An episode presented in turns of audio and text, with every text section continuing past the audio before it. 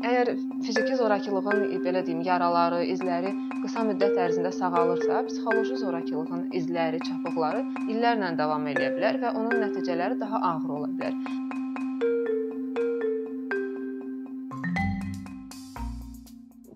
Məişət zorakılığı deyəndə həmişə ağlımıza ilk e, fiziki zorakılıq gəlir. Çünki fiziki zorakılığı görmək də asandır, ölçmək də asandır. Fiziki zorakılığın izləri e, bəllidir və onunla bağlı tibbi arayış ala bilərik. Çox rahat şikayət eləyə bilərik, sübutlar təqdim eləyə bilərik ki, bizim başımıza belə bir hadisə gəlib. Amma fiziki zorakılıqdan, yəni daha ağır nəticələrə səbəb ola bilən psixoloji zorakılıq var ki, psixoloji zorakılığın izləri görünən deyil və psixoloji zorakılığı bəzən zərərçəkənin özü də fərqində olmur ki, bu bir zorakılıq növüdür. Fərqində olsa belə bunu sübut eləmək, bunu danışmaq çətindir və bununla bağlı zorakı şəxsi məsuliyyətə cəlb eləmək çətin məsələdir. Və ə, əgər fiziki zorakılığın belə deyim, yaraları, izləri qısa müddət ərzində sağalırsa, psixoloji zorakılığın izləri, çapıqları illərlə davam edə bilər və onun nəticələri daha ağır ola bilər. Yəni mütəmadi psixoloji zorakılığa məruz qalan şəxslər öz güvənləri aşağı düşür, intihara meylli ola bilərlər, hətta axırda intihar eləyə də bilərlər. Ona görə bu haqqda danışmaq daha vacibdir və birinci yol ondan keçir ki, zorakılığın nə olduğunu zərər çəkən e, ifşa eləyə bilsin və e, belə deyim, bunun tərəfləri zorakı və zərər çəkən şəxsdir. Zorakıya bəzən aqressor və ya abuzer də deyə bilərik və psixoloji zorakılığı törədən şəxsləri adətən cəmiyyətdə tanımaq çox çətin məsələdir. Zorakı şəxslər adətən dostların yanında çox mehribandılar, çox mədənidirlər. Onların belə bir belə biri olacağı heç kimin ağlına belə gəlməz və hətta hamının sevimlisinə də çevrilə bilərlər. Adətən zorakı şəxslər sosiopat və narsist şəxslər olur və onlar özlərini çox yaxşı maskalaya bilirlər və cəmiyyətin onları tanıması çox çətin məsələdir. Zərər çəkən şəxslər isə xüsusən də o insanlardır ki, yaxşı insanlardır. Başqalarına ziyan verməyi ağıllarına belə gətirmirlər. Çox mərhəmətlidirlər, çox ürəyi yumşaqdılar və bunu sui-istifadə eləmək asandır və xüsusən də zərər çəkənin keçmişində hər hansı bir travma varsa, bu onu zorakı şəxs üçün daha əlverişli və əlçatan eləyir və zorakı şəxsin məqsədi özünü zərər çəkənin üzərində təsdiq eləməkdir. Və onun məqsədi bir dəfə zorakılıq eləmək deyil, davamlı zorakılıq elə bilməkdir. Hətta fiziki zorakılığı mütəmadi davam eləyə bilmək üçün həmin şəxs həm də psixoloji zorakılığa əl atır.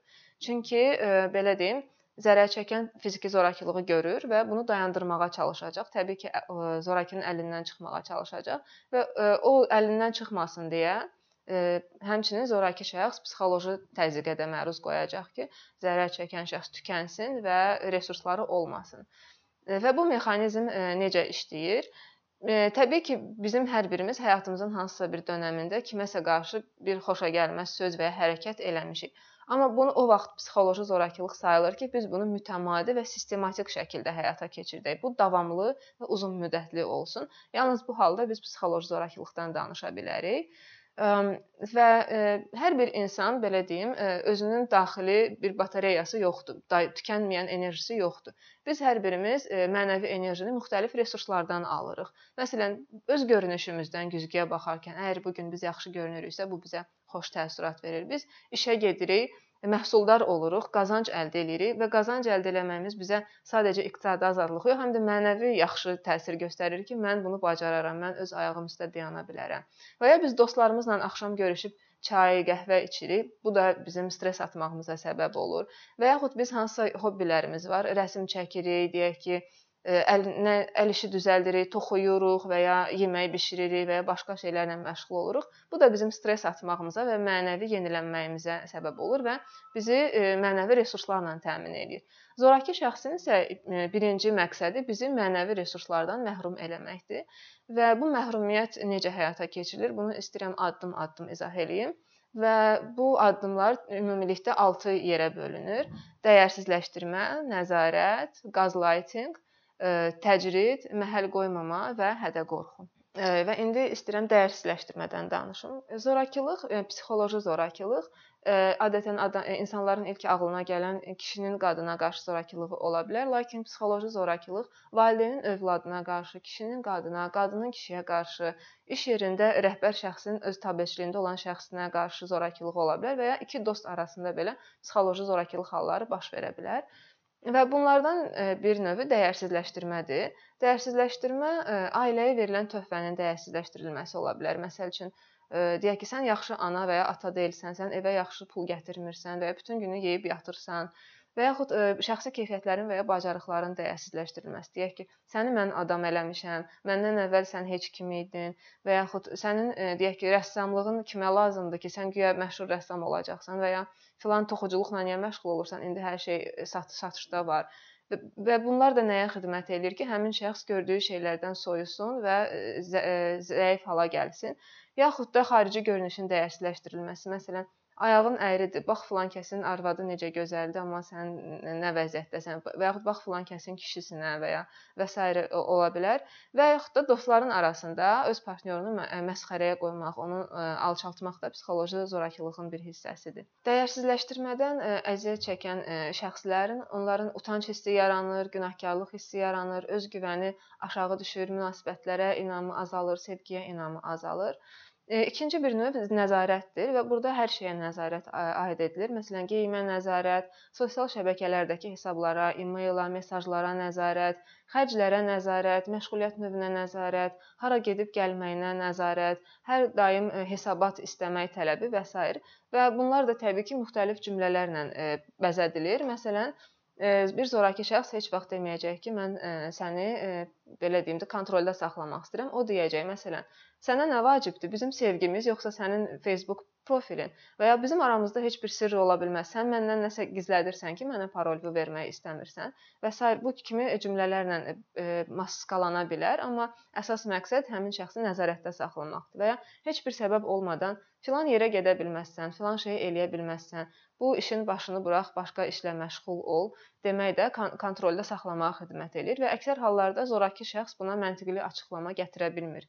Və bir e, maraqlı özəllik də var ki, bu kontrol yalnız zorakı şəxsin əlində olur. Zərər çəkən onun həyatına heç bir müdaxilə eləyə bilmir, ondan hesab istəyə bilmir və ya onun həy həyatına nəzarət eləyə bilmir və ya xərclərə nəzarət, e, hətta özün qazandığın pulu belə zərər çəkənin hara xərclənməsi barədə zorakıya mütəmadi hesabat verir və onun kontrolu altında olur ə, e, həmin pul vəsaitləri. Ə, e, və dəyərsizləşdirmə zamanı həm də ə, e, insanın ə, zərər çəkənin uğurlarının görməzdən gəlinməsi ə, ola bilər və bu daha çox valideyn-övlad münasibətlərində də özünü göstərir. Məsələn, deyək ki, zərər çəkən uğurlu imtahan keçib və ya çoxlu sayda sertifikatları var, hansısa sahədə ə, yüksək pillələrə nail olub, amma ə, zorakı şəxs daima onun bu uğurunun çox kiçik, mənasız və lazımsız şey olduğuna inandıra bilər. Məsələn, deyə bilər ki, sən bu sertifikatlarla harda işə düzələcəksən ki, guya o kimə lazımdır ki və yaxud bax filan kəsin uşağı Oksfordda oxuyur, amma sən burada hansısa imtahanı keçməyinlə öyünürsən və bu da təbii ki, zərər çəkənin ə, psixoloji durumunu ə, pisləşdirməyə xidmət eləyir. Zorakılığın ə, üçüncü növü gaslightingdir. Bu söz 1944-cü ildə ekrana gələn Gaslight filmindən götürülüb. Həmin filmdə ə, ər və arvaddan bəhs eləyir və ər müxtəlif dələduzluqlarla məşğul olur və onun arvadı bundan duyuq düşməsin deyə o arvadını inandırmağa çalışır ki, əslində onun qavrayışı səhvdir və e, onun psixoloji problemləri var. E, və 60-lardan başlayaraq ə, e, filmin adı Gaslight adı, gaslighting kimi psixoloji zorakılığın ə, bir növü olaraq ə, göstərilməyə başlayıb. Bu nə deməkdir? Zorakı şəxs ə, zərərçəkəni onun ə, inandırmağa çalışır ki, onun reallıq hissi təhrif olunub. Məsələn, daha çox da fiziki zorakılığa məruz qoyan şəxslər zərərçəkəni inandırmağa çalışırlar ki, əslində sən səhv başa düşmüsən, əslində bu zorakılıq deyildi. Məsələn, əslində o heç şillə də deyildi, o elə yüngülvari bir şey idi. Əslində mən sənə hədə qorxu gəlmirdim, sən səhv başa düşmüsən və ya filan şeyi mən o mənada deməmişdim, sən ə, məni düzgün qavramırsan. Məqsəd nəyə xidmət eləyir? Zərərçəkənin reallıq hissi təhrif olunsun o öz yaddaşından şübhə eləməyə başlasın, öz adekvatlığından şübhə eləməyə başlasın. Bəzən e, e, zərər verən şəxs e, deyir ki, məsəl üçün, sənin yaşın azdır, ona görə sən belə şeyləri başa düşmə bilməzsən. Məsələn, sən qadınsan, sən ona görə bunu başa düşmürsən. Kişi olsaydın daha yaxşı başa düşərdin və ya sənin filan xüsusiyyətlərin var, ona görə sən bunu qavramaq iqtidarında deyilsən. Və bütün bunlar da nəyə xidmət edir ki, zərər çəkən özündən bədgüman olsun, problemin səbəbini özündə axtarsın və zorakı şəxsi ifşa eləyə bilməsin. Və əksər hallarda belə də olur. Hətta ə, müzakirənin axırında zərər çəkən təəssüf edir ki, doğrudan da mən çox pis adamam. Gör yazıq zorakını nə vəziyyətə saldım. Həqiqətən də mənim belə deyim də səhvlərim onu əsəbləşdirir, onu günahkar çıxardıram boş yerə. Yəni zərər çəkən şəxs özü özü özündən bədgüman olmağa başlayır ki, bu da zorakının əlinə xidmət eləyir. Məhəl qoymama və buna ingilis dilində neglect deyilir. Məhəl qoymama özü də bir neçə formada özünü göstərə bilər. Məsələn, hisslərin, emosiyaların görməzdən gəlinməsi. Deyək ki, zərər çəkən bu gün çox kədərlidir və yaxud başına bir hadisə gəlib, amma zorakı şəxs özünü elə göstərəcək ki, onun yanında heç kədərli insan oturmayıb, heç qarşındakı insanın problemi yoxdur ümumiyyətlə və zərər çəkənin hisslərini ümumiyyətlə heçə saya bilər və yaxud tibbi ehtiyacların, qida ehtiyaclarının və ümumiyyətlə insanın təbii ehtiyaclarının görməzdən gəlinməsi. Deyək ki, zərər çəkən xəstədir, öskürür, harasısa ağrıyır, amma zorakı şəxs daima ona deyəcək ki, evdə sağalarsan, iç burnu çayı iç düzələcəksən. Məsələn, onun həkimə getməsini təxirə salır və ya sənin bu paltara ehtiyacın yoxdur, bunu geyinməsən də olar və ya Bunu almaq və yemək nəyə lazımdır ki? İsveç alimləri deyir ki, bunu yemək o qədər də faydalı deyil və bu da zərər çəkən öz təbii ehtiyaclarından məhrum edilməsinə xidmət eləyir. Yaxud da bəzən şəxsi münasibətlərdə, romantik münasibətlərdə zorakı şəxs qəfildən soyuq və məsafəli birinə çevrilir və heç bir səbəb izah eləmədən və zərər çəkən də daim panikada özündə günah axtarmağa başlayır ki, görəsən mən nə etdim ki, o məndən uzaqlaşdı, o məndən soyudu və daim günahı özündə görməyə başlayır və bu münasibəti düzəltmək üçün hərəkətə keçir, amma əslində isə bu sadəcə oyunun bir hissəsidir ki, zərər çəkən zorakı şəxsdən asılı vəziyyətə düşsün. Zorakılığın daha bir növü isə təcriddir. Mən qeyd elədiyim kimi hər bir insan kənardan öz mənəvi resurslarını bərpa eləyir və bu resurslardan məhrum eləməyin elə ən yaxşı üsulu təcrid etmədir. Və e, zorakı şəxs bu təcridi həmişə müxtəlif e, bəzəkli cümlələrlə maskalayacaq. Məsələn, dostlardan təcrid etmə var ki, dostlardan təcrid etmək üçün bu cümlələri biz çox vaxt eşidə bilərik. Bu Azərbaycan modelinə çox uyğundur. Məsələn, sənin filan dostundan heç gözüm su içmir. O bizim münasibətlərimizi istəmir. O bizi qısqanır, o bizim ayrılmağımıza çalışır. Çalış ondan uzaq dur. Və yaxud sənin filan rəfiqən var, Onun haqqında heç xoşa gəlməz e, sözləri eşidirəm bizim kişilər arasında. Sən əgər onunla oturub dursan, sənin də haqqında o cür e, xoşa gəlməz sözlər deyəcəklər. Yaxşı olar ondan uzaq durasan. Və yaxud sənin e, filan dostun hansısa filan hərəkəti elədi və s. deməklə zərər çəkəni dostlarından təcrid eləyir. Yəni mənəvi resursdan məhrum eləyir. Və yaxud e, e, işdən təcrid eləmə. İşdən təcrid eləmədə yenə iki məqsədə xidmət edir. Bir, iqtisadi asılı vəziyyətə gətirmək həmin şəxsi, iki, yenə də mənəvi resurslardan məhrum eləmək. Çünki biz işə gedib gələndə belə yenilənirik, söhbət eləyirik, qeybət eləyirik, günü müzakirə eləyirik və bu bizim e, ovqatımızı yaxşı saxlamağa xidmət eləyir. Amma işdən də məhrum olanda biz yenə də psixoloji e, e, çətin duruma düşürük və işdən təcrid eləmək üçün də yenə maskalanmış cümlələr istifadə olunur. Məsələn, Mən istəmirəm ki, sən kiminsə əlinin altında işləyəsən və yaxud sənə pul lazımdırsa mən pul verim. Məsələn, deyirlər ki, filan kəs necə kişidir, onun yoldaşı hardasa işləyir, özü ailəni dolandıra bilmir. Bu cümlələrlə bəzəyərək zərər çəkən şəxsin e, iqtisadi azadlığını da əlindən alırlar və işdən təcrid edirlər və yaxud qohumlarla əlaqənin kəsilməsi. Bu Azərbaycan modelində daha çox uyğundur. Məsələn, yeni evlilərdə müşahidə olunur ki, qadının e, öz ailəsi ilə tez-tez görüşməsinin e, qarşısı alınır və yaxın qohumların, uzaq qohumların fərqi yoxdur. E, bu cür onlardan təcrid edilmə baş verir və eyni zamanda sosial həyatın da məhdudlaşdırılması. Məsələn, bizim həyatımız sadəcə işdən və dostlardan ibarət deyil. Biz sərgilərə, konsertlərə, təlimlərə, seminarlara, konfranslara gedirik və orada da yeni insanlarla görüşürük bizə maraqlı olan mövzuları müzakirə edirik və mənəvi yenə də resurslarımızı bərpa edirik və bizim bu həyatımızda e, zoraki tərəfindən məhdudlaşdırıla bilər ki, bu da eyni qaydaya xidmət eləyir. E, və e, axırıncı növ isə hədə-qorxu və ya şantajdır. Və bu da bir neçə cür ola bilər. Bir kompromatla şantaj, yəni zorakı şəxsin əlində zərər çəkənə aid özəl bir məlumatlar var, şəkil, video və ya hansısa bir mesajlar və onu ifşa eləməklə zərərçəkəni hədələyir və onunla münasibət saxlamağa məcbur eləyir. Bəzən isə zorakı şəxslər özlərinə nəsə eləməklə zərərçəkəni qorxutmağa çalışırlar. Məsələn, özlərini öldürəcəkləri ilə, damarlarını kəsəcəkləri ilə hədələyirlər, nəsə içmək, özünü hardansa atmaq və s. və bunun məsuliyyətini də zərərçəkənə yükləməyə çalışırlar ki, yəni sən bu cür pis adam olduğun üçün mən indi özümü öldürmək istəyirəm.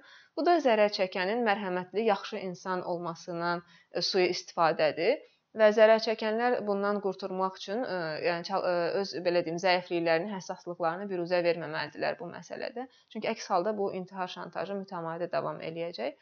Bir şantaj növü də emosional şantajdır. Yəni münasibətləri bitirməklə hədələmə. Əgər arada yaxşı münasibət varsa və zərər çəkən hissləri varsa, məsələn, sən filan şeyi elədin.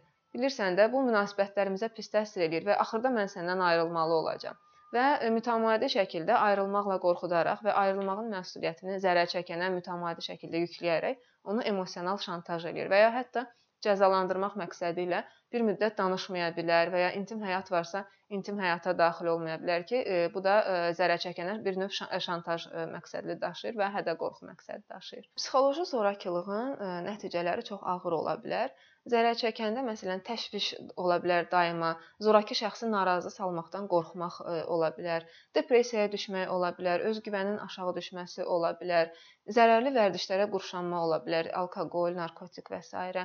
mənəvi yorğunluq hiss eləyə bilər tamamilə öz ehtiyaclarını unudub yalnız e, zorakının ehtiyacları uğruna hərəkət eləmək olur və bir müddətdən sonra zərər çəkən özünün nə istədiyini unutmağa başlayır, özünün hobbilərini, sevdiyi şeyləri unudur və yalnız zorakının bəyəndiyi şeylərlə məşğul olmağa başlayır ki, bu da onu mənəvi yorğunluğa və tükənməyə gətirib çıxardır. Bu cür zorakı münasibətlərdə e, maraqlı bir tərəf odur ki, zərər çəkən özünə dəyən ziyanları görmür, amma hər zaman elə zənn edir ki, zorakı şəxs zərər çəkəndir. Bəzən zorakıya yazığı gələ bilər, bəzən ona ürəyi ağrıya bilər. Hətta düşünə bilər ki, onlar ayrılsalar zorakı özünə bir yol tapa bilməyəcək və ya ə, e, belə deyim, e, batacaq onsuz, o yalnız zərər çəkən zərər çəkən qayğısı ilə o mövcud mövcudluğunu davam elətdirir. Bütün bunlar da yəni zorakının onu inandırması sayəsində baş verir və eyni zamanda da zoraki hər zaman zərər çəkəni inandırır ki, əgər onlar ayrılsalar, o bu zorakıdan daha yaxşısını tapa bilməyəcək və daima tənha qalacaq və e, zərər çəkən də düşünür ki, tənha qalmaqdansa ən azından bildiyim bir insanla münasibəti davam elətdirim. Təbii ki, bu zorakı e, zorakı şəxsin bir hiyləgərliyinin bir hissəsidir. Bütün bunlara baxmayaraq psixoloji zorakılıqdan qurtulmaq mümkündür və bunun üçün də bir neçə addım həyata keçirilməlidir. Nə etmək lazımdır? Birinci növbədə sərhədlər çəkmək lazımdır və zorakı şəxsə bəyan eləmək lazımdır ki, onun e, hədə-qorxularına və aqressiyalarına dözüm göstərilməyəcək.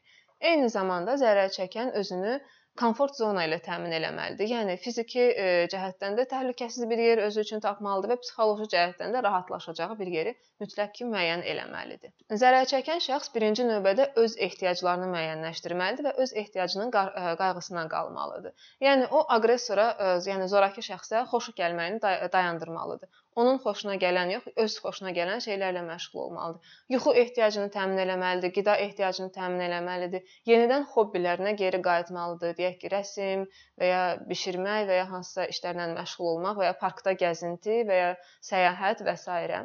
Həmçinin ə, e, zərər çəkən şəxs ə, e, sakitliyini qorumalıdır. O bilməlidir ki, zorakı şəxs onun zəif nöqtələrini və ağrılı nöqtələrini bilir və münaqişə zamanı birinci növbədə həmin nöqtələrdən vuracaq. Buna görə də ə, e, zərər çəkən bunu bilib artıq hazırlıqlı olmalıdır. Onun qarşısında özünə bəraət qazandırmağı dayandırmalıdır və ə, tamamilə sakitliyini qoruyaraq qarşı tərəfi tərk silah eləməlidir. Həmçinin ə, zərər çəkən şəxs məsuliyyətləri ə, sərhədləməlidir. O başa düşməlidir ki, Zorakılıq eləmək zorakı şəxsin seçimidir. Ona dözmək isə zərər çəkənin seçimidir. Zərər çəkən zorakını dəyişdirə bilməz və onu dəyişdirməklə bağlı heç bir məsuliyyəti yoxdur. Çünki Azərbaycanda modellər belədir ki, e, zorakı şəxs olanda adətən zərər çəkənə e, qına, qınayıcı sözlər ifadə olunur ki, sən məsələn yaxşı qadın olsaydın və ya yaxşı kişi olsaydın, onu dəyişdirərdin, onu düzəldərdin və ya e, filan cür davransaydın, o belə eləməzdi. Zərər çəkən bir dəfəlik başa düşməlidir ki, onun zorakı şəxsi dəyişdirməklə bağlı heç bir məsuliyyəti yoxdur. Amma zorakı şəxsə münasibətini dəyişdirməlidir. Və ən vacib üsul psixoloji zorakılığın öhdəsindən tək başına gəlmək əksər hallarda mümkün deyil. Ona görə də zərər çəkən şəxs kənardan kömək tapmalıdır.